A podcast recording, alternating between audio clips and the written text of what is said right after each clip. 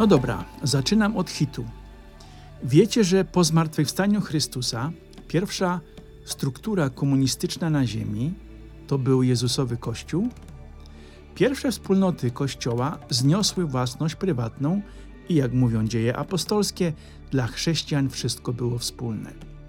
W Nowym Świecie, czyli w świecie nowo odkrytych misji, jezuici założyli pierwsze w dziejach powszechnych państwo komunistyczne. Chrześcijańska Komunistyczna Republika Guaranów istniała od 1610 do 1768 roku, skupiała ponad 100 tysięcy Indian i przetrwała 158 lat. Została niestety zlikwidowana z zazdrości od plantatorów. W społeczeństwie tym wszystko było własnością społeczną. Czy w takim razie Jezus był komunistą?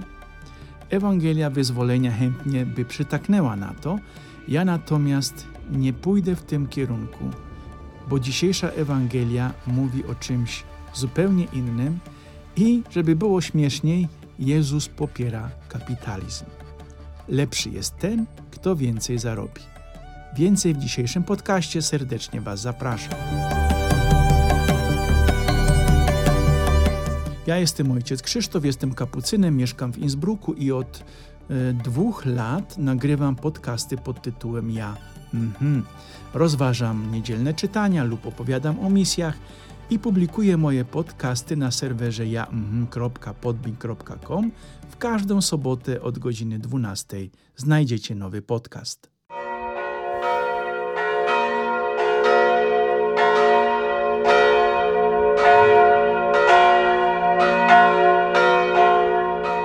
Ostatnio dosyć często słychać takie głosy, że Jezus i Ewangelia to czysty przykład komunizmu.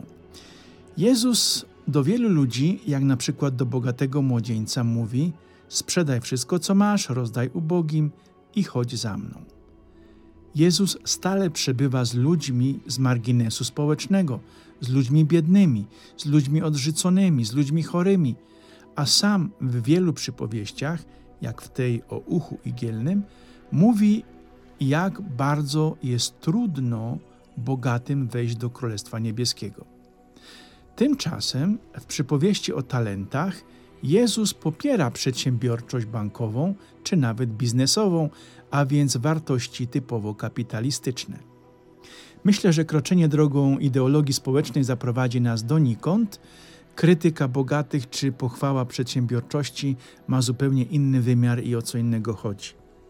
W Ewangelii Łukasza znajdziemy podobną przypowieść z tymi, z tym, że Łukasz mówi o minach. Miny czy talenty to jednostka miary odnosząca się przede wszystkim do kruszców, jak srebro czy złoto. Były to przede wszystkim jednostki płatnicze o pojemności około 32 kg srebra lub złota.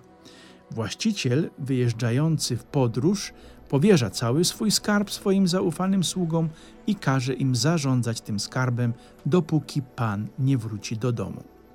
Jakie tematy znajdujemy w tej przypowieści? Przede wszystkim mowa w nich jest o odpowiedzialności i zarządzaniu. Każdy z nas otrzymuje różne umiejętności, talenty, zasoby. Przypowieść uczy, że jesteśmy odpowiedzialni za sposób, w jaki nimi zarządzamy, tymi zasobami. Niezależnie od tego, czy dany talent jest mały czy duży.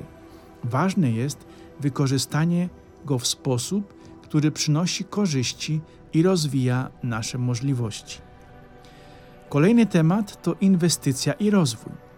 Słudzy, którzy mądrze inwestują swoje talenty, otrzymali nagrodę. To nawiązanie do potrzeby rozwijania swoich umiejętności i dążenia do ciągłego rozwoju. Wielokrotne pomnażanie talentów symbolizuje pracę, wysiłek, zaangażowanie w doskonalenie się. Jak widzicie, to co Wam mówię do tej pory, to jest no, typowa firma, typowa prywatna firma. Kolejny problem strach przed ryzykiem i bezczynność. Sługa, który zakopał swój talent, został ukarany. To ostrzeżenie przed strachem, przed ryzykiem oraz przed bezczynnością. Ukazuje nam w tym przypowieści Jezus, że unikanie wysiłku i ryzyka może doprowadzić do utraty danej nam szansy i możliwości. Sprawiedliwość i nagroda była proporcjonalna do wysiłku i zaangażowania każdego sługi. To również przypomnienie, że nasze działania mają konsekwencje, a nagroda lub kara są związane z naszymi wysiłkami i decyzjami. Kochani bracia i siostry, odwagi. Może do tej pory niewiele żeśmy zrobili, ale jeszcze mamy czas, dlatego odwagi, zróbmy coś z naszym życiem, inwestujmy nasze siły, a Bóg nam wszystko wynagrodzi. Amen.